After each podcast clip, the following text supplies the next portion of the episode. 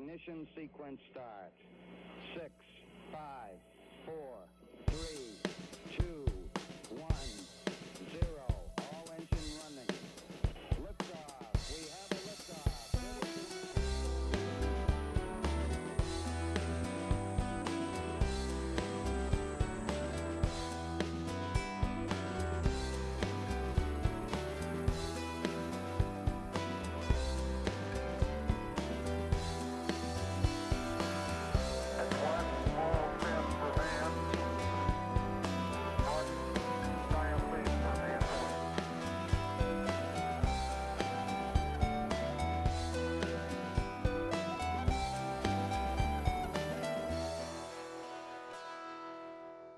kära lyssnare och välkomna till aprilavsnittet av Slottspodd, din komet i morgonkaffet.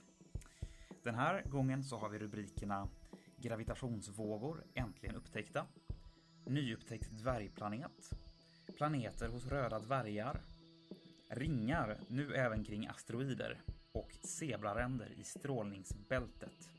Välkomna till Slottspodd.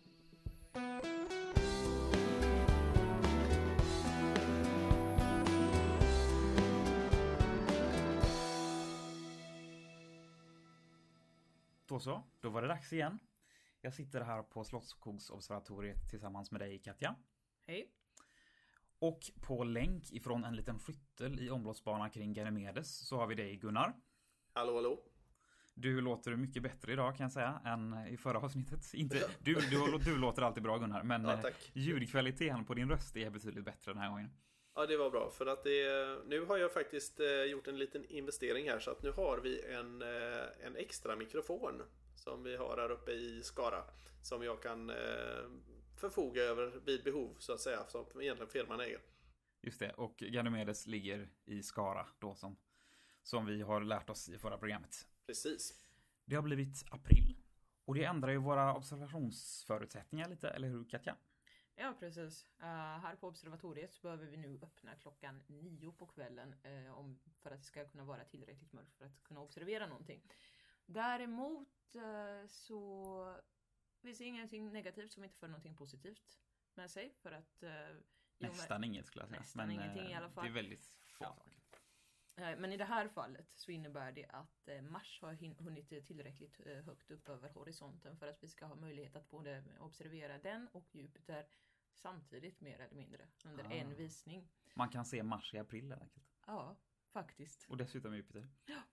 Det är inte dåligt. Nej. Men eh, för er som har tänkt att eh, komma hit och observera eh, stjärnhimlen så vill jag föreslå att ni skrider snabbt till verket för att vi kommer bara ha öppet till och med den 16 april. Sen stänger vi för säsongen.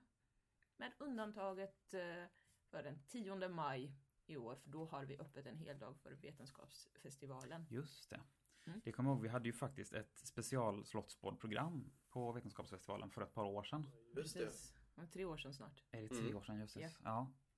Det var ju sista programmet i vår första säsong kan man säga av Slottsbord. Den här säsongen varade ju i och för sig ungefär två och ett halvt år. Mm. Eh, så Vi har lite underläst säsonger i det här, i det här programmet. Väldigt Jo, det är sant. oregelbundna. Ja, ytterst oregelbundet. Nu är vi väl inne på program fyra eller någonting i andra Mm. säsongen.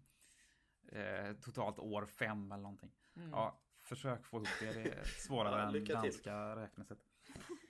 Ja, innan vi börjar så tänker jag att eh, jag ska passa på att kommentera en sak som jag sa i förra programmet som var lite spännande. Jag drog till alldeles sköt ifrån höften när det gällde det här med eh, Lagrangepunkter och avståndet ifrån jorden. Vi sa ju det att eh, den här Lagrangepunkten vi talar om låg, eh, om vi sätter solen och jorden i rad och så bortanför jorden så ligger det en Lagrangepunkt där en rymdsond kan ligga och ligga i stabila omloppsbana.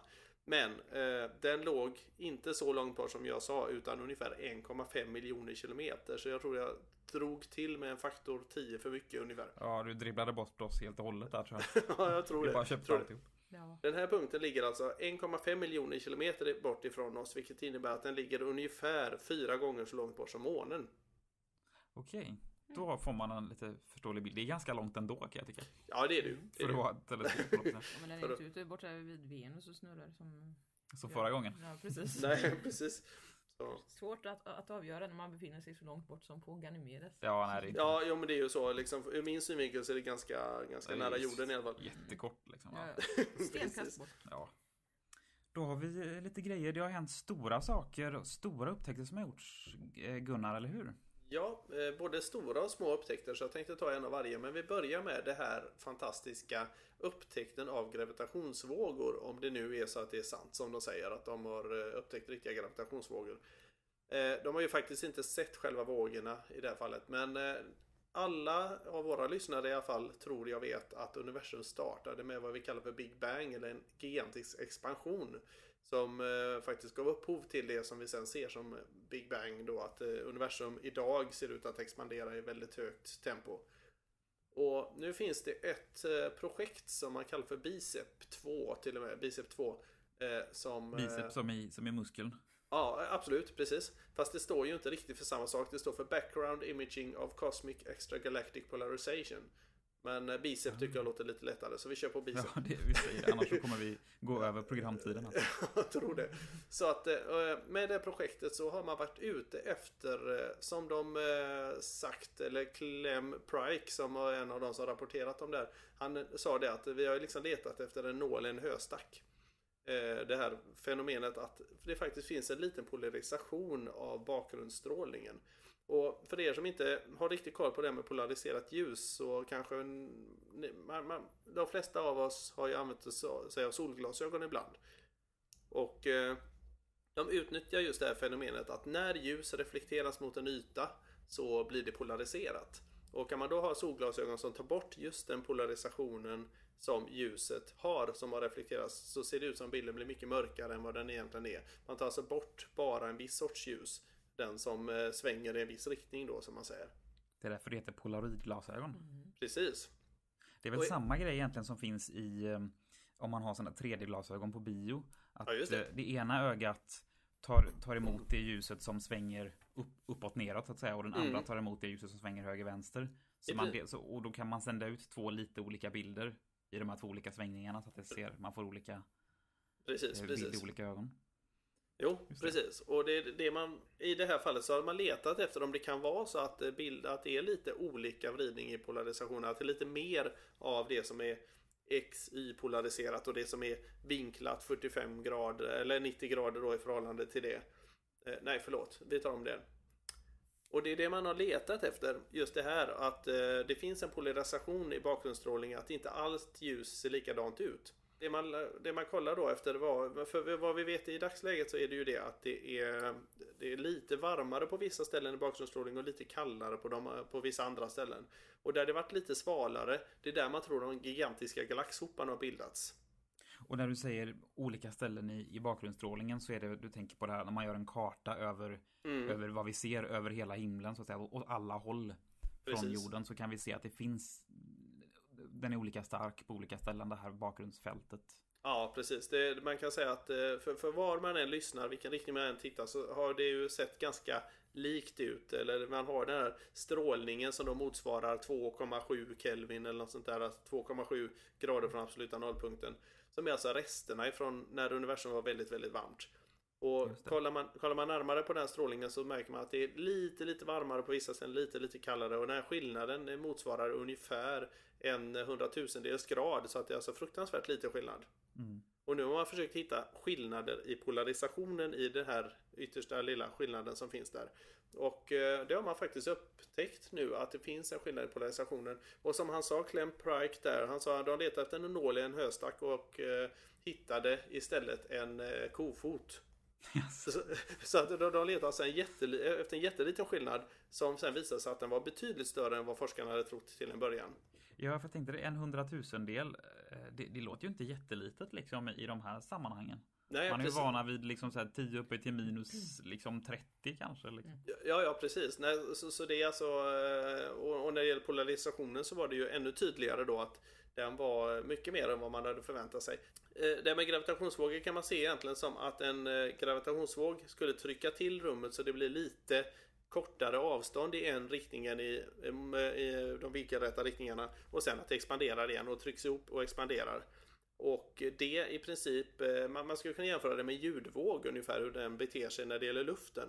Ja, för att det här låter ju som att du beskriver en ljudvåg snarare tycker jag än en gravitationsvåg tycker jag. Men det, å andra Ja. sidan så vet jag ju väldigt lite om gravitationsvågor och det gäller nog de flesta av oss. Mm. Man kan säga det är ju absolut inte samma sak för i en ljudvåg så trycker man ihop så molekylerna ligger tätare. Men eh, å andra sidan så kan man säga istället för att göra så att atomerna ligger närmare varandra så kortar man av avståndet emellan två punkter. Vilket i princip ger samma resultat att atomerna faktiskt ligger närmare varandra. Men det har inte med atomerna att göra utan det har med rummet att göra. Man förkortar rumtiden egentligen lite Mm. som i och lite som att en, ett föremål som rör sig väldigt, väldigt snabbt relativt någonting annat blir kortare och så på ett sånt sätt. Ja, precis. Och, och i samband med det här, om vi nu har de här komprimerade områdena och ljuset ifrån bakgrundsstrålningen reflekteras i atomer som är hoptryckta på det här viset så ska man få en viss polarisation för alla typer av reflektion ger upphov till polariserat ljus. Och det är det man upptäckt nu. Eh, tror man då ska jag säga. De har alltså i tre års tid nu försökt att hitta fel på sina beräkningar och nu har de då äntligen publicerat det här för eh, ett par veckor sedan när vi spelar in då. Och eh, nu återstår det ju då att eh, det är fler som kan kontrollera att de här beräkningarna verkligen är vettiga. Ja, för att det här är ju en upptäckt av en, en väldigt stor magnitud tänker jag mig egentligen Mm. rent historiskt. För det här har man ju försökt Det här är ju egentligen ett sätt att kombinera som vi pratade om härom, i, härom, i förra programmet tror jag. Mm. Eh, relativitetsteori och kvantfysik. Och det har ju, det började ju Einstein med att försöka få ihop och slet sitt hår. Mm. Eh, det han hade kvar av det, med det problemet så att säga. Ja, han Mm. eh, brydde väl inte så- sig så särskilt mycket om kvantmekaniken. då. Nej, han var inte någon riktig fan av kvantmekanik. Men man kan säga, han han- försökte han- få ihop det rent allmänt. Ja, han förutsade den men sen så tyckte han inte om det så att han har ju inte riktigt eh, accepterat. Han accepterade väl den inte förrän på framåt slutet men han insåg ju liksom det här att han kunde inte lösa problemen i alla fall. Nej, precis. Och, och att då ha kommit så här långt att man har hittat en, en, en teori som kanske då på sikt kan faktiskt kombinera de här är ju, för att säga som man brukar säga, episkt. Ja, Det är en, en fantastisk, eh, fantastisk steg egentligen i, i, i vetenskapen. Ja, absolut. Till och med Stephen Hawking att bli lycklig. ja. Ja. precis. Precis. Nej, det är en häftig upptäckt. Om det nu stämmer så är det här helt fantastiskt. För jag menar, då har man helt plötsligt på något sätt knutit ihop två stycken gigantiska teorier som eh, alla förutsäger flera fenomen väldigt, väldigt noggrant och med väldigt eh, goda resultat. Men de eh, samspelar ju inte, har inte samspelat hittills riktigt. För det finns ett mellanskikt där de inte riktigt stämmer överens. Så det här skulle kunna vara ett sätt att knyta ihop dem. Entusiasterna bland oss hoppas ju verkligen på det. Mm.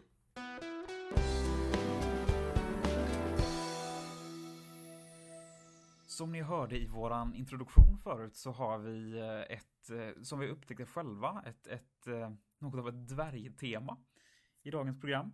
Och då pratar vi inte om skäggiga yxdvärgar från Sagan om ringen utan om små himlakroppar. Det vi ska prata om nu är alltså dvärgplaneter.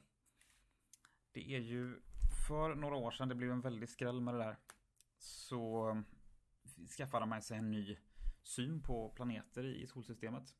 Eh, där man kom fram till att i princip att ja, allting utanför Neptunus kallar vi inte för planeter utan för, för dvärgplaneter. Och den som fick stryka på foten mest då var ju Pluto som man hade räknat som planet i ganska många år. Och under de senaste decennierna så har man ju faktiskt hittat en del andra spännande objekt där i krokarna kring Pluto utanför som har varit mm, det mesta något mindre än Pluto men någon som faktiskt har varit större. Och i ganska skumma banor och sådär så man kan förstå det här med att det kanske var ganska bra grejer där ändå att rensa upp i vad man kallar för planet för det blir ganska snart, ganska snabbt, ganska ohanterligt så att säga. Mm. Cleaning up the neighborhood. Ja, det lät lite läskigt när du sa det så. men, men i alla fall, eh, det- då får det fortfarande heta dvärgplanet så att säga. Eh, Men rent, rent pedagogiskt kan jag tycka att det, är en, att det är en väldigt bra grej faktiskt. Och nu, de sådana som har dykt upp det är ju sådana här små, små hemlakroppar med roliga namn som Eris, Makemake och en som jag knappt vågar uttala. Kuawar. Kua- ja. Hur skulle ni säga det? Power kanske. Är inte det mexikanskt namn? Det låter lite mexikanskt, det låter lite som eh, En sån här aztek eller maya-gud Ja. Quatzl, Quar, Quatzl. Ja, Tungvrickande. ja, tungvrickande. Det är med Q och en massa vokaler. och så ett R på slutet. Kan man sammanfatta det med. Eh, och alla de här eh, är i Plutos storlek eller något mindre. Eh, och finns utanför Neptunus bana. Mm. Eh, Neptunus är ungefär 30 astronomiska enheter utifrån solen. Och en astronomisk enhet då är, som vi nog känner till men som kan vara bra att säga, eh, är samma som avståndet mellan jorden och solen. 149 Mm. miljoner kilometer. Om man skulle föredra att räkna med många nollor. Och ifrån Neptunus bana och utåt då så finns det mycket av de här små, små dvärgplaneterna. Mm. Den, den som jag tror är den som är längst ut som man känner till är den som heter Sedna. Just det. Och den är dessutom lite större än Pluto. Och den, jag vet inte när det var man upptäckte den, kan det ha varit under på 90-talet eller var det tidigt runt 2000? 10-15 år sedan någonstans tror jag. 2003. Okej, Mm, kan det stämma? ehm, Ja, men det kan nog stämma. Det har han nog rätt i. Och den, den har ju en väldigt elliptisk bana. Det har Pluto också, men, men den här har en ännu mer elliptisk bana. Så den rör sig emellan eh, knappt 80 astronomiska enheter ända ut till nästan 1000 astronomiska enheter. Mm. Så att det är en väldigt sån tjoho sväng den har. Ja. Och det, var, det är väl en orsak också till att de här inte får vara med i planetklubben längre, att de har så, så knepiga omloppsbanor. Mm. Nu, alldeles nyligen, så har man faktiskt hittat, man skulle kunna kalla det för en systerdvärgplanet till, eh, till Sedna. Och än så länge har den inte fått något riktigt fint namn som de här andra. Utan den heter 2012 VP113. Och jag antar att det beror på att man hittade den 2012 då. Mm. Låter annars som en motorcykelmodell. Eller en gammal Vespa. det låter så. Det gör det faktiskt. Eh, Sedna låter lite som Vespa också. Mm. Kanske är ett tema. Eh, I alla fall, den, den har, det, det har tagit ett par år att, att verifiera den så att säga. Och jag tror att inte att den är helt och hållet Jo, att den finns där det vet man. Sen så är det väl det där med banan som möjligtvis kan vara lite, lite friare. Och då har, det ändå, har jag ändå läst ganska relativt exakta Mm. mått på hur lång banan är och hur stor den här dvärgplaneten är och sådär. Den har fått smeknamnen, smeknamnet Bidden eh, efter USAs vicepresident av alla människor. Exakt varför det är så har jag faktiskt ingen aning om. Kanske om man räknar eh, Pluto som Obama då så får... Nej, eh, Sedna som Obama så får väl den här eh, VP 113 vara vicepresident då kanske. Eh, ja. Mm. Och den kommer, den kommer att få ett, ett bättre namn sen. Mm. Vad det nu kan bli. Men eh, man har inte kommit riktigt så långt än. Vi har, vi har väl lite problem där lite som man ser, som jag ser det. Eh, man räknar väl med att det kan finnas, kan vara 900 objekt i den storleksordningen ungefär. Runt 1000 kilometer i diameter. Och, Ja. eh, det kommer bli ont om namn, tänker jag. Ja, ja, men då är det väl bara att göra som man gör med alla nyupptäckta exoplaneter nu för tiden. Ge dem ett par bokstäver och släng dit en handfull siffror så ordnar det sig. ja, jo, det är sant, det är sant. Jag, jag tror inte att det kommer vara några problem att hitta, hitta namn. Det finns Nej. alltid en massa roliga eh, mytiska figurer och legender att ta ifrån. Och jag, Mm. och jag tror inte att man hittar alla de här Nej, det är över en sant. natt heller så att säga. Så man lär nog ha många vicepresidenter och, och ge dem namn efter. Ja. I alla fall under en övergångsperiod. Mm. Om man nu då börjar jämföra de här två dvärgplaneterna med varandra, Sedna och den här nya Bidden, så ser man att det finns en, en väldigt olikhet. Och det är att de, de kommer ungefär lika nära solen när de är som närmast i sina, i sina banor. Och det är ungefär, Sedna kommer 76 astronomiska enheter och Bidden kommer 80. Så det är Mm. jättenära. Medan Sedna då kommer ungefär 1000 astronomiska enheter ut i solsystemet så kommer Bidden bara 450 ungefär. Så det är alltså knappt hälften. Mm. Och det, det, det är lite oklart eh, även bland de här forskarteamen som har, som har gjort de här upptäckterna. Varför två så pass lika objekt som förmodligen har bildats ungefär på samma sätt och samtidigt och sådär har fått så olika banor. Mm. Sen har de ju lite olika egenskaper i övrigt. Sedna eh, tror jag är, nu har inte jag det här i huvudet, men jag tror att Sedna är mm, knappt 1000 kilometer i diameter. Mm. Medan den här nya bidden är 450 kilometer i diameter. Ja, det är klart, det är ju betydligt mindre. Ja, ja, det är väldigt mycket mindre. Och jag tror att båda de här dvärgplaneterna består mest av alltså, ungefär samma saker som kometer består av skulle jag säga. Alltså is, Mm. is och sten i princip. Så man väl tror att Pluto är ganska mycket sån också. De här Ja. väldigt elliptiska banorna påminner dessutom om eh, vissa kometers banor, sådana som eh, inte ger, framförallt sådana som inte ger sig in eh, särskilt långt i, in i solsystemet utan håller sig kring, eh, ja, de varvar kring Saturnus ungefär så har de eh, utdragna långa banor och in, återkommer med flera tiotusentals år och så vidare. Så att det är ju det är också en av anledningarna till varför man degraderade alla de här till dvärgplaneter. För att det är transneptunida objekt eller eh, ja, Kuiperbältesobjekt kan man ju kalla det för. Samt eh, ja, just den här likheten med kometer. De kanske egentligen är mer släkt med kometer än med planeter så att säga. Sannolikt eftersom de är ju eh, de tillhör ju också de här resterna som blev över när solsystemet, så solen och planeterna hade bildats som la sig i, äh, la sig i ett område kring solsystemet. Mm. Just det, för det ska man säga också att vi, vi, vi brukar dela in den här yttre delen av solsystemet i vad vi kallar för Kuiperbältet eller Kuiperbältet eller det finns lika många uttalande, ut, uttalsvarianter som det finns personer tror jag. Ehm, och, och det här Kuiperbältet brukar man säga börjar lite utanför Neptunus bana Mm. och har en inre del som jag tror går emellan 30 och 55 ungefär astronomiska enheter. Och sen är det lite oklart exakt hur, hur, hur, lång dess, hur långt dess yttre del sträcker sig ut i yttre, ytterdelen av solsystemet. Det, beroende lite på vem man frågar och vad man läser och sånt där så hittar man, ja, ah, nej men det sträcker sig ungefär 100 astronomiska enheter eller det sträcker sig upp till 1000 astronomiska enheter. Så det beror lite på hur man, hur man definierar det här Kuiperbältet. Mm.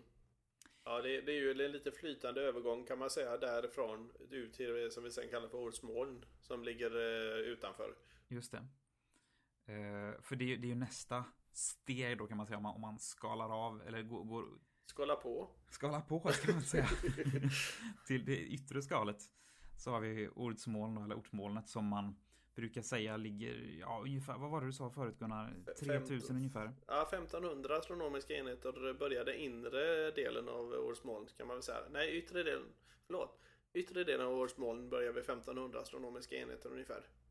Och sträcker sig Ja, till väldigt vår långt närmsta, ut kan man närmsta säga. grannstjärna kan man säga. Ja. Det, det, det är väldigt luddigt astronomiskt område. Eh, och, och, och jag vet inte exakt vad som definierar det här ortmolnet. Men Kuiperbältet är väl en slags definierat som ett slags um, ett slags Diskus eller något. Ja, en, en Mm. skiva liksom ett, ett yttre asteroidbälte egentligen. Vi har ett asteroidbälte Ja, ja, mellan Mars precis. och Jupiter. Och så har vi liksom ett till då utanför Neptunus. Som är väldigt mycket lösare. Det är Mm. inte lika tätt mellan de här objekten. Men de är å andra sidan ganska mycket större.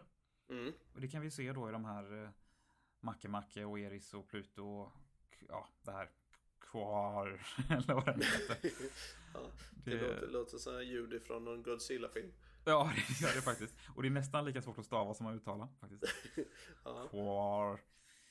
Ehm, så, men det är ganska spännande områden här för att det, det, det är väldigt svårt att upptäcka de här objekten men de är ganska stora och jag läste Mm. någonstans, det var någon som sa att ja, det skulle inte förvåna mig att om vi hittar ett objekt upp mot Mars storlek där ute en gång. Mm. För de är väldigt mörka och de är väldigt svåra att se. Och de här områdena sträcker sig väldigt långt ut så att det är, det är spännande områden.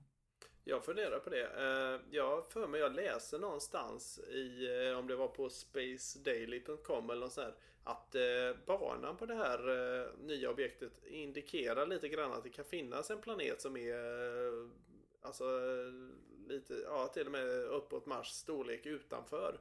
För att den Som har ligger och stör lite grann. Ja, sån udda bana tydligen så att den, liksom, den är inte helt symmetrisk i sin elliptiska bana utan att det är någon som är Det där är ute och stör. Det var, det var ju så de upptäckte Neptunus va? Man såg att Uranusbanan Mm. var inte helt riktigt som den, som man, den borde Mm. vara. Och det var så eh, som de senare upptäckte Pluto och Eris och så vidare. Ja, ungefär så. Är, är det någonting som stör så är det någonting där. För att sammanfatta det. Sen visade väl sig Pluto vara för liten för att kunna störa i den omfattningen. Utan det var någon annan förklaring tror jag till att Uranus Mm. Ja, det var, lite, lite var så. någon liten Nej, felberäkning. Neptunus talade du väl om nu? Ja, Ja, men det var väl någon felberäkning där egentligen då. Men den felberäkningen pekade åt rätt håll så man tittade på rätt ställe för att hitta Pluto. ja. Ja, fast å andra sidan kan man ju se att hela Kuiperbältets sammanlagda gravitation torde ju påverka Neptunus till en viss mån i alla fall. Med tanke på att det är en massa dvärgskräp som ligger där och flyter. och drar åt lite olika håll. Ja, precis. Mm. Det var, det var månadens uttryck tror jag. Månaden- Månadens astronomiska uttryck, dvärgskräp. Vi myntar nya uttryck varje månad här. Ja, finns det inte bra uttryck för det får man ju skapa, eller hur? Ja, Sant. ja precis. Ehm, ja, för att avsluta det här då kan man ju säga det att ehm, precis som du sa Gunnar, enligt de här forskarteamen som har gjort de här upptäckterna så, Mm. så tror man det att det finns mängder, många Mm. hundra liknande objekt i, i samma storlek eller, eller större som vi har sagt Mm. då. Eh, Och jag tror det är så att man har sex stycken kandidater som man jobbar på nu att, att verifiera. Man har alltså saker man har hittat förmodligen 2010 och efter men som man inte har kunnat bekräfta Mm. än. Som ju Ja, den här, den här dvärgplaneten var fram tills, ja, det var bara någon månad sedan eller något tror jag. Så har vi tur så har vi ytterligare ett gäng dvärgplaneter att se fram emot.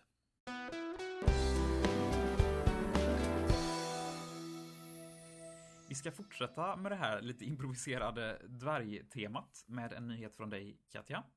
Japp. Och då handlar det inte om, om dvärgplaneter utan en annan typ av dvärgar, nämligen Röda dvärgar. Små och relativt osynliga, i alla fall för oss som bor här på jorden. För att eh, Nu låter det som att vi pratar om små, små varelser igen. Ja. Jag. De är små och osynliga. man tror att eh, röda dvärgar kan eh, utgöra hela 75% av alla stjärnor, inte bara i vår galax utan i hela universum.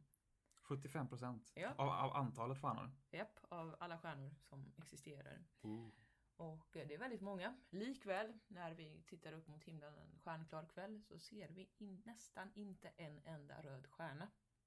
Du får nog uppdatera mig lite på, på definitionen av röd dvärg. Röd dvärg. De är ungefär en tiondel av solmassan, så är väldigt små. eh, I genomsnitt mellan 2500 och 3000 grader på ytan. Relativt svala vill säga. Små kalla stjärnor. Precis, de Mm. tar eh, flera miljarder år på sig att bildas. Mm, men i och med storleken och temperaturen så förbränner de sitt väte väldigt långsamt vilket gör att de blir extremt långlivade. Det finns en del som tror att röda dvärgar i princip skulle kunna hålla ut i eh, flera mm, tiotals, kanske till och med hundra miljarder år. Men det kan vi ju inte veta eftersom vårt eh, universum inte är äldre än uppskattningsvis 13,8 miljarder år. Nej. Mm. Hur som helst, när de väl har eh, förbränt sitt eh, väte så händer ingenting mer dramatiskt än att de långsamt, långsamt bleknar bort, så att säga, fade, som ungefär som man släcker en, eh, en fading-lampa innan det. de till slut slocknar. I'd Mm. rather burn out than fade away var det någon amerikansk sångare som Ja, Han kanske tänkte på... på supernovor. Supernova röda dvärgar tänkte han. Ja. Eh, Men det, det är väl så att, jag, jag tänker på i, i vanliga ska jag inte säga om de här är 75%. Mm. Men i stjärnor som vår egen sol, där har vi ju alltså en fusion på gång där, där vätet förbränns till, till helium. Mm. Och, och d- Mm. de här röda dvärgarna, de är ändå så pass tunga att de har den processen. Ja, annars så skulle de inte bli eh, stjärnor utan då skulle de eh, ju bli till eh, bruna dvärgar, de här som refereras till som misslyckade stjärnor som inte har Mm. lyckats bli tillräckligt eh, täta för att få igång den här fusionen. Man kan, nej okej. man, kan väl säga som så, eh, själva hemligheten med, med att de är så långlivade är ju det att dels har de väldigt litet utrymme i mitten som förbränner bränslet. Ja, Men, men också så är det ju så att eh, våran sol den är väldigt tydligt skiktad. Så Mm. att det som är i kärnan kommer att förbrännas med det som är utanför kärnan som alltså inte är, är del av kärnan kommer alltså aldrig komma in i kärnan och det bränslet går inte att använda. Medan en, en röd dvärg då har en cirkulation som gör att den kan använda i- en mycket större del av sitt bränsle. Den återanvänder sig själv på ett helt annat sätt Mm. än stjärnor av eh, andra typer. Den är ganska energieffektiv helt enkelt. Ja, Lite som en absolut. eh, LED-lampa, en LED-stjärna. Ja, precis. ja, ja. Förlåt, nu sidetrackar vi dig här så du Mm, kommer mm. ifrån din, din tråd. Uh, jo, de är ju givetvis väldigt ljussvaga. Och det är därför som vi inte ser dem, även om vi eh, går ut på ett ställe där eh, himlen är klar, uh, stadsbelysning inte stör och så vidare och så vidare. De är små och ljussvaga helt enkelt. Mm. Men de är många. Och man har kommit fram till att rent statistiskt så borde varje röd dvärg ha åtminstone en planet kring sig. Ja, just det. Och det här är faktiskt inte så um, otroligt som man kanske skulle kunna tro för att det får ju vara hur det vill med folks tro på statistik. Mm. Men nu råkar det vara så att röda dvärgar är väldigt be- benägna att eh, bilda planeter I och med att eh, om man tänker på det att det är inte alla stjärnor som kan bilda planeter. Vita och blå jättestjärnor till exempel. De tenderar att ta åt sig all materia själva. Och Mm. eh, det blir ingenting kvar för planeter att bildas. Stjärnor av soltyp lämnar kvar ungefär 1% materia i en stoftskiva eller akkreationsdisk runt omkring sig där eh, planeterna sen bildas genom att de plöjer varv efter varv, samlar på sig mer och mer materia och så puff har vi efter några miljoner år Som, som har- snöbollar som rullar runt och blir större och större. Och... precis mycket bra liknelse. Mm. Eh, Röda dvärgar lämnar efter sig ännu mer materia. Och eh, det här förklar- är ju en av förklaringarna till varför man i början av exoplanetsupptäckterna eh, fann så många enorma gasjättar kring röda dvärgar. En del var till och med volymmässigt större än sin värdstjärna. Oj, Ja. Mm. Eh, ofta var det hur som helst väldigt eh, instabila eh, system. Det rörde sig om eh, flera ganska stora gasjättar nära in på varandra och stjärnan så att förr eller senare så lär ju de Kommer någon av dem sugas in i någon annan och så är det Ja, kört. eller kastas ut och Ja, allting också. sådant. Men i alla fall för att eh, det finns ju väldigt mycket eh, materia att forma saker och, eftersom det, och det finns ju alltid mer gas än vad det finns eh, eh, metall i, eh, Mm. i universum. Så det, det är en logisk anledning. Men stenplaneter får man ju inte förglömma. Det är ju de som eh, egentligen är mest intressanta för, för forskarna. Mm. Och de är Det ju, är det ju. ä- ja, och de är ju ännu svårare att upptäcka än, än gasplaneter, även om man talar om en röd dvärg. När man upptäckte de här första exoplaneterna kring röda dvärgar så eh, använder man oftast transitmetoden, studerar ljuset från stjärnan och eh, lyser det utan eh, förändring under en viss tid så är allting, det finns ingen anledning att titta vidare där, men förmörkas det med, med, med jämna mellanrum så finns det stor anledning att tro att det är någonting som far omkring där. Och som täcker ljuset med Precis. jämna mellanrum. Det funkar om det är en eh, gasjätte. Det funkar mindre bra om det är en liten stenplanet. För att även om eh, röda dvärgar är väldigt små i jämförelse med solen så är ju planeterna ännu mindre av de eh, ja, stenplaneterna vill säga. Men om vi ska gå in på det här med forskarnas, eller ja, en del forskares favoritämne. det vill säga jordliknande planeter så har man ännu inte faktiskt funnit några kring röda dvärgar. Men eh, inser att eh, det finns ganska stor potential att det finns flera stycken sådana eh, kring diverse eh, röda dvärgar runt om i eh, ja, de delarna av Vintergatan man har kunnat studera hittills. Och eh, hur stor del av dem som befinner sig inne i den så kallade beboeliga zonen det får väl vara os- eh, låta vara osagt. Men då får man ju hålla i minnet att eh, för att en planet kring en röd dvärg ska kunna befinna sig eh, i den så kallade beboeliga zonen så måste den ligga mycket närmare sin stjärna än vad vi gör solen. Mm.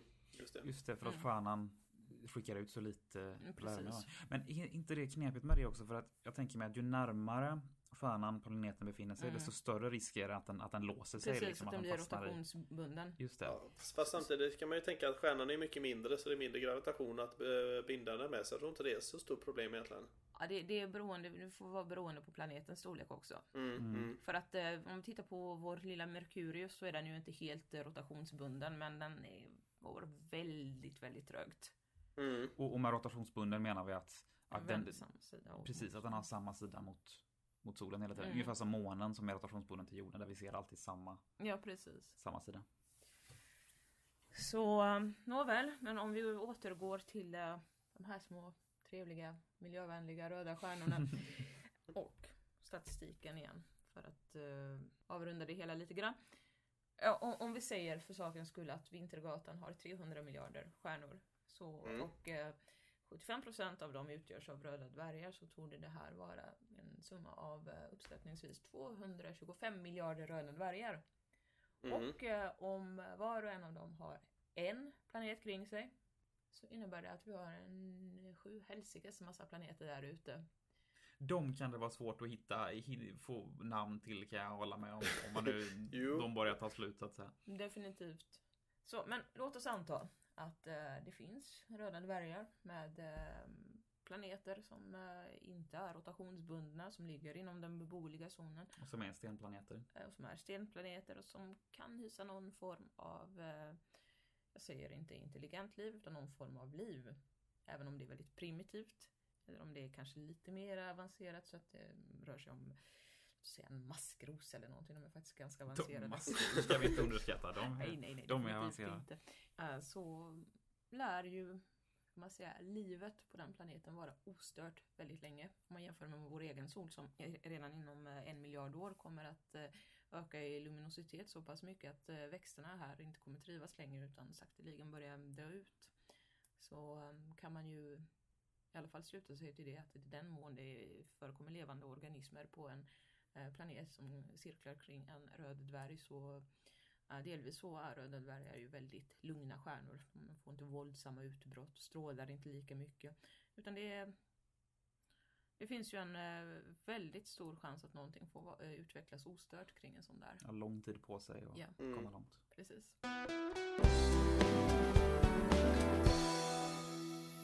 Nu ska det bli ännu fler små saker i rymden här. Det blir asteroider, Gunnar. Ja, precis. Och, eh, och det är inte bara små saker utan det är en väldigt liten upptäckt kan man säga. Eh, För det är egentligen inget teoretiskt genombrott. Man har ju känt till eller man, ja, räknar man på det här teoretiskt så är det inte alls omöjligt att sådana här grejer kan inträffa.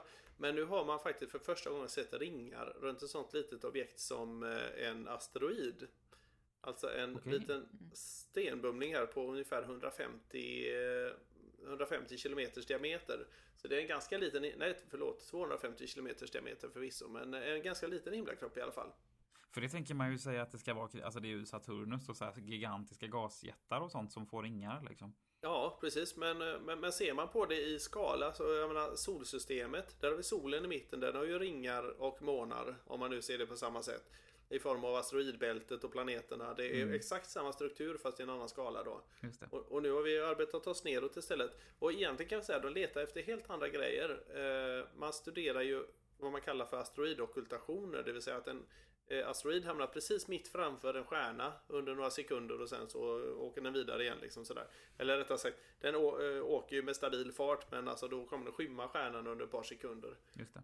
Och nu, det spännande de upptäckte nu, det var det att eh, ungefär 10 sekunder innan och sen eh, ungefär 10 sekunder efteråt så kom det två skuggor till som inte hade med själva den här asteroiden att göra utan faktiskt eh, när man räknar ut det efteråt så var det perfekt symmetri. Så det var alltså två stycken väldigt fina, distinkta, kompakta ringar som blockerade ljuset. Jaha, och fick den att blinka till liksom. Ja precis, så det blinkade inte en gång utan blinkade fem gånger då. Först två gånger för ringarna, sen en gång för asteroiden, sen två gånger för ringarna igen. Så, så vad man kom fram till nu är att vi har alltså en asteroid som heter Chariklo. Eh, udda namn, men eh, man döper ju gärna asteroider efter andra, oftast människor. Eh, ja, popgrupper och James Bond och annat så roligt. Chihuahua och sånt där. Ja. Det finns väldigt, många fina namn på asteroider där. Eh, Men den här då som heter Chariklo den har alltså en, en ring som är 3 km bred och en som är 7 eller rättare sagt en som ligger 3 km ifrån centrum på asteroiden och en som ligger 7 km från centrum på asteroiden. Och eh, däremellan är det alltså ett eh, ganska stort gap. Det är ju jättehäftigt. Och det här, det här är alltså i, i, i någonstans i asteroidbältet mellan... Ja, precis. Vad jag förstod så är det alltså någonstans i de yttre delarna av asteroidbältet. Jag ska se om jag kan kolla upp det till nästa gång. Men jag tror att det är inne i vårt asteroidbälte faktiskt. Och eh, som sagt, asteroiden är ju då 250 kilometer. Så jag menar i skala så är det ju lite, lite likt eh, säg ringsystemet runt Saturnus eller så här. Det är, och, och vad man tror är att i och med att det är exakt två ringar och de är så här väldigt fint, eh, fint kompakta som de är så anar man att det finns minst en måne runt den här asteroiden men det har man då inte lyckats se i det här fallet för den är så pass liten så den syns inte. Mm. Ehm, det här föranleder mig till att jag faktiskt läste en liten notis om det här. Där, eh, Mm. Eller en teori, en möjlighet till hur de här ringarna har eh, uppkommit. Men tyvärr Mm. har jag glömt bort det så jag vore väldigt glad om du kunde Ja. Man, man kan säga egentligen så tror man väl att de här kan ha uppkommit i form av en eh, kollision. Fast i det här fallet en ganska försiktig kollision för att jag menar en, en eh, Ja, en sån här liten asteroid har en flykthastighet som gör att om man hade suttit i en snabb sportbil och blåst på i 250 km i timmen så hade man fart ut i rymden liksom. Så det Mm. innebär att en, en alltför kraftig eh, kollision skulle gjort att eh, dels skulle asteroiden förintas men dels skulle också alla delarna skingras för, eh, för solvinden eller om man nu ska vara lite så här eh, poetisk. Men i alla fall den skulle alltså sprida ut sig. Så, så det måste varit en ganska mild eh, kollision för att det ska kunna samlas ihop och faktiskt bildas ett sånt här fint eh, ringmönster.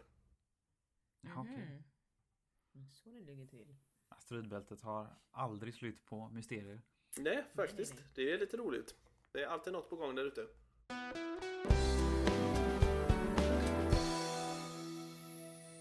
Våran femte och sista nyhet för det här programmet, det handlar om strålning och zebraränder. Eller hur Katja? Jajamensan. Eh, James Van Allen hävdade förvisso att Van Allen-bältet det är det som håller upp hans byxor. Och det är ungefär det enda han vill ha det till. Likväl så finns, fick hans efternamn eh, namnge eh, strålningsbältena som omger planeter, inklusive jorden. Jäkla stora Mhm. byxor han har. Det är Enormt stora byxor som eh, befinner sig eh, mellan ungefär 1000 och 60 000 kilometer eh, ovanför ekvatorn. Mm. Jorden har ett inre och ett yttre st- strålningsbälte. Varav vilket det inre består av eh, elektroner och det yttre av en eh, blandning av elektroner och protoner. Nu ska vi se ett Mm. inre strålningsbälte. Vi- pratar fortfarande om ovanför ytan antar jag. Eh, Ja, vi, vi talar om från ungefär 1000 kilometer ovanför Okej. ehm, ytan och Uppåt. utåt, uppåt. Mm. Uppskattningsvis kan det väl röra sig om en, mellan 10-12 000 kilometer. Även där, för att återgå lite till tidigare nyhet angående de olika nummerangivelserna och, beträffande Kuiperbältet och ortsmoln och allt det här så varierar även siffrorna eh, beträffande eh, jordens strål, olika strålningsbälten. Verkligheten är inte alltid perfekta ringar så att säga. Nej, Mm, precis. Nej, precis. Eh, och de här ligger ju lite grann som en, som två donutformade saker kring jorden. Så nu kommer vi in på en kär uppföljande här med munkformade objekt. Just det. Eh, Då nåväl, snackar vi inte alltså klosterbröder utan sådana man äter. precis. Nå, man har ha, eh, studerat givetvis de här strålningsbältena under eh, längre eller kortare perioder för att kunna skönja mönster och avvikelser och så vidare och så vidare. Och det som man uppmärksammade var att det i, i det inre strålningsbältet förekommer man säga, mönster eh, påfallande lika zebraränder bland elektronerna Mhm. där. Okej. Och eh, det här har man, eh, det här har man upptäckt genom att använda sig av det så kallade RB Spice instrumentet och då kommer vi in på ytterligare en sån här rolig förkortning. Det står nämligen för Radiation Belt Storm Probes Ion Composition Experiment. Mm. Ibland undrar man om astronomer har tråkigt eller någonting och så de hittar på sådana roliga förkortningar till allting. Eh, Eller, eller så är de bara väldigt torr humor. Det kan ju vara så. Det kan vara så också. Jag, jag, jag tror på det sistnämnda av egen erfar- erfarenhet men eh, tidigare så trodde man att det här mönstret uppkom som resultat av eh, ökade solvindar. Att det var eh, alltså själva solen som var upphov till det här. Men när man fann att eh, mönstret kvarstod även vid eh, minskad solvindsaktivitet så fann man det vara läge att tänka till. Och ehm, ja, efter att ha använt sig av det här eh, instrumentet så kunde man konstatera att det här uppkommer som konsekvens av jordens egen rotation. Mhm, Eh, Okej. Idéerna hade funnits innan att det kan vara så men eh, hade ganska snabbt förkastats i och med det att eh, man ansåg att eh, jordens långsamma rotation inte vore tillräcklig för att påverka de här partiklarna som eh, rör sig med hastigheter, hastigheter nära ljusets. Eh, för att försöka förklara det här på ett eh, någorlunda eh, För att försöka förklara det här på ett relativt lättförståeligt sätt så kan man säga att det är på grund av lutningen av jordaxeln och därmed också lutningen av magnetfältet som orsakar så orsakar planetens rotation ett svagt oscillerande elektriskt fält. Där man skulle kunna beskriva processen som eh, tillredningen av en polkagrissmet.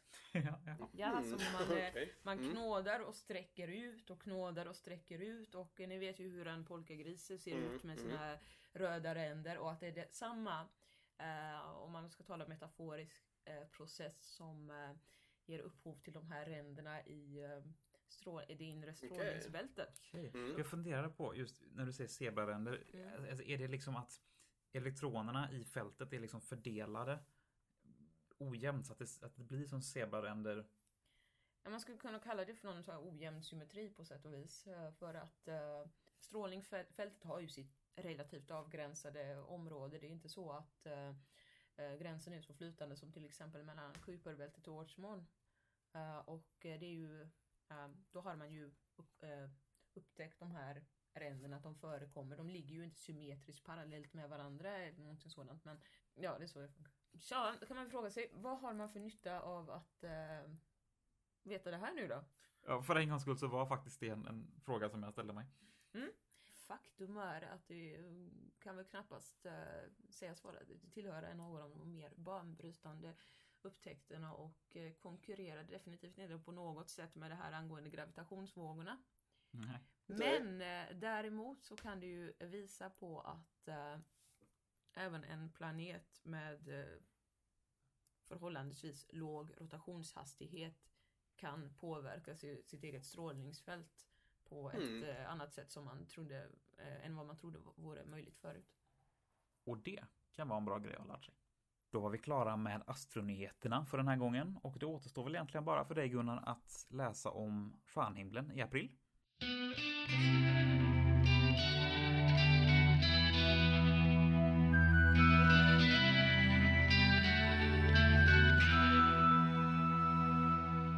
Astronyheter för april 2014. Även april fortsätter att vara en fin planetmånad, med Mars i opposition redan den 8 april. Jupiter syns fint i sydväst om kvällarna och Saturnus ligger faktiskt lite, lite bättre till nu än vad den gjorde förra månaden. Även om den egentligen inte kommer ligga särskilt bra till alls i år. Stjärnhimlen 2014, den 15 ungefär klockan 21.30. Vi har valt platsen Skaraborg eftersom det ligger mitt i södra Sverige. Vi börjar i väster där oxen är på väg ner. Aldebaran i oxens öga ligger nu ungefär 20 grader upp och är på väg ner som sagt. Ovanför 50 grader upp och något till höger så ligger stjärnan Capella i kusken. Och ännu lite längre upp det ljussvaga lodjuret. I sydväst ligger Sirius endast cirka 5 grader ovanför horisonten och eh, kommer nu blinka i alla regnbågens färger på grund av atmosfäriska störningar. På 20 graders höjd så ligger enhörningen som är rätt svag stjärnbild. Där ovan 30 grader upp så finner vi den starka Prokion som ligger i Lilla Hunden. Och ännu längre upp så ligger planeten Jupiter 45 grader upp, mitt emellan tvillingarna. Till vänster om tvillingarna så finner vi den lilla svaga kräftan. I söder så ligger just nu hydran eller vattenormen längst ner nära horisonten. Ovanför hydran så finner vi sextanten och eh, 50 grader upp så ligger lejonet och ännu lite högre upp lilla lejonet. Till vänster om hydran så finner vi först bägaren och sedan korpen och i sydost jungfrun som håller på att gå upp just nu. Mitt i jungfrun så ligger den rödorange stabilt lysande planeten Mars som är denna månadens objekt. Ovanför jungfrun så finner vi Berenikes hår och jakthundarna och ännu lite högre upp frambenen på stora björnen nästan i zenit. Rakt i öster så ligger just nu ormen som håller på att gå upp och där ovan den skålformade norra kronan. 30 grader upp, något åt söder, så ligger Arcturus i björnvaktaren, som så här års lutar betänkligt mot norr. Fortsätter man uppåt så ligger svansen på stora björnen 55 grader upp, medan själva björnen står på högkant med huvudet upp emot eh, zenit. Och i nordost så ligger Herkules lågt. Till vänster om Herkules, närmare norr, så ligger stjärnan Vega i lyran och ännu närmare norr Deneb i svanen. Fortsätter vi uppåt så finner vi draken som ligger mitt mellan Herkules, lilla björnen och stora björnen. I norr ligger den lilla stjärnbilden ödlan och ovan den Cepheus och ovan den Polaris som är polstjärnan. Och så till sist i sydväst där solen fortfarande gör sig påmind så ligger nerifrån och upp den svaga väduren och triangeln, Andromeda lite mot norr och Perseus 35 grader upp. Och ovan och till vänster om Perseus hittar vi Capella i kusken återigen samt åt höger den ljussvaga giraffen. Så till solsystemet under april månad. Vi börjar med månfaserna. Månen är i första kvarteret den 7 april klockan 10.32. Den är full den 15 april klockan 09.45. Månen är i sista kvarteret den 22 april 09.53. Och månen är åter ny den 29 april 08.18. Planeterna under april månad. Merkurius är inte synlig under perioden. Venus ligger över 40 grader söder om soluppgången under hela månaden. Men den dåliga vinkeln gör dock att Venus ligger väldigt dåligt till på våra breddgrader. Mars går upp klockan 20.30 i början av april samt ligger en bra bit upp i skymningen i slutet av månaden. Mars står i opposition den 8 april. Den ligger alltså då i linje kan man säga med solen, jorden och Mars. Det innebär att den ligger bäst till runt midnatt. Den ligger då som närmast jorden med ungefär 0,6 astronomiska enheter eller cirka 90 miljoner kilometer bort. Planeten Jupiter står högst på himlen på 50 graders höjd i sydväst vid solnedgången i början av april samt i väster 35 grader upp i slutet av månaden. Saturnus går upp klockan 23.45 i början av månaden och klockan 21.40 i slutet av månaden. Den stiger i en flack vinkel och eh, kommer inte mycket över 15 grader upp, ungefär vid fyratiden den 1 april samt vid 2 den sista april. Uranus är inte synlig under perioden och inte heller Neptunus. Och så lite andra händelser denna månad. Den 2 april så är det 50 år sedan sond 1 sköts upp för att passera Venus. Den 3 april, asteroid Pallas ockulterar en stjärna som heter Tyk 0238 00901-1. En stjärna av magnituden 11,3. Du kan läsa mer på asteroidoccultations.com, alltså asteroidoccultations.com. Den 5 april så är det Judith Resnicks 65 födelsedag. Judith var en av dem som förolyckades vid Challenger-olyckan 1986. Den 7 april så är det en fotochans. Halvmånen ligger nu cirka 5 grader ifrån Jupiter på kvällen. Den 8 april, planeten Mars är i opposition, det vill säga den ligger som bäst till för att observeras. Också den 8 april så är det 50 år sedan uppskjutningen av Gemini 1.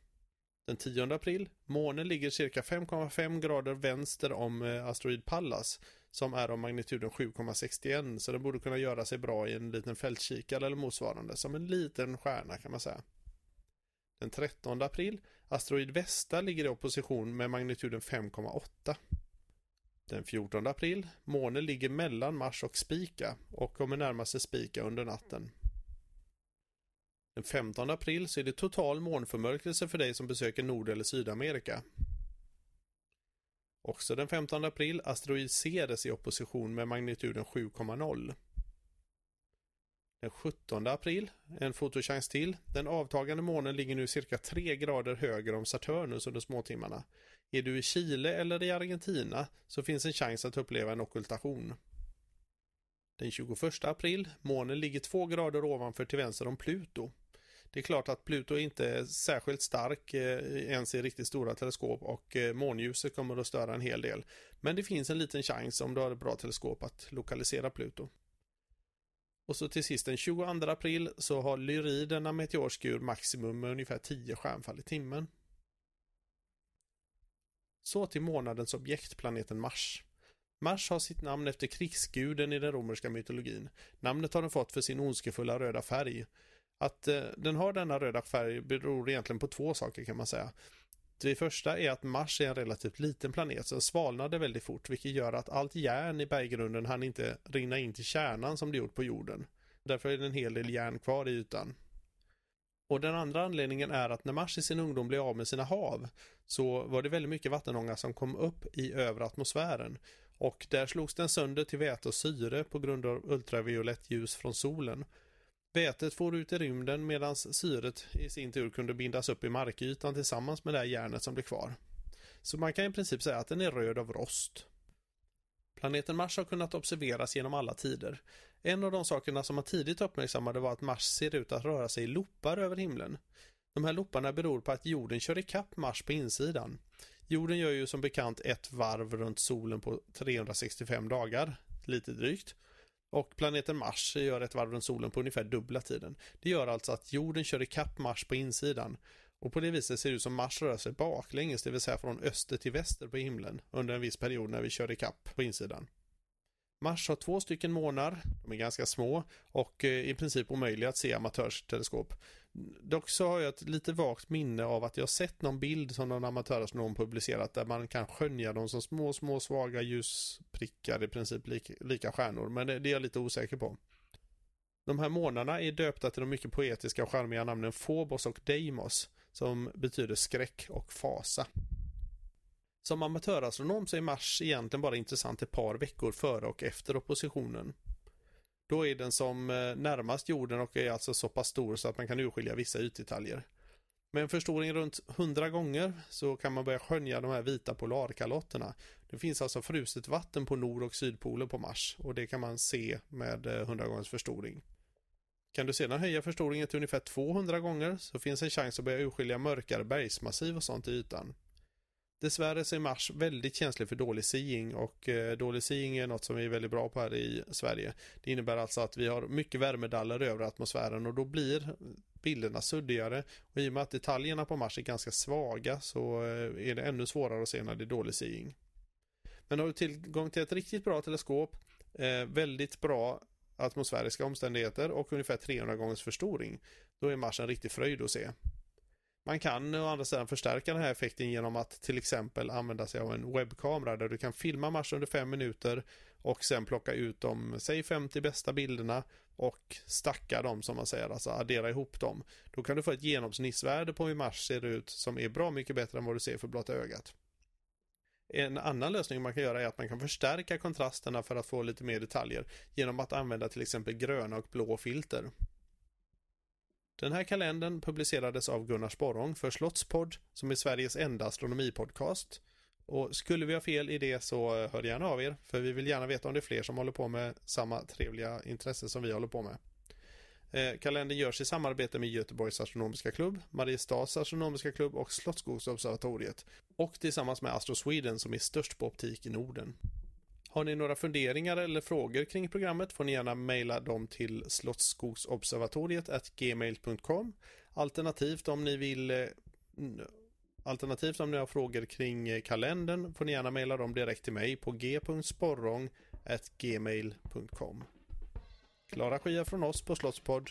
På återhörande.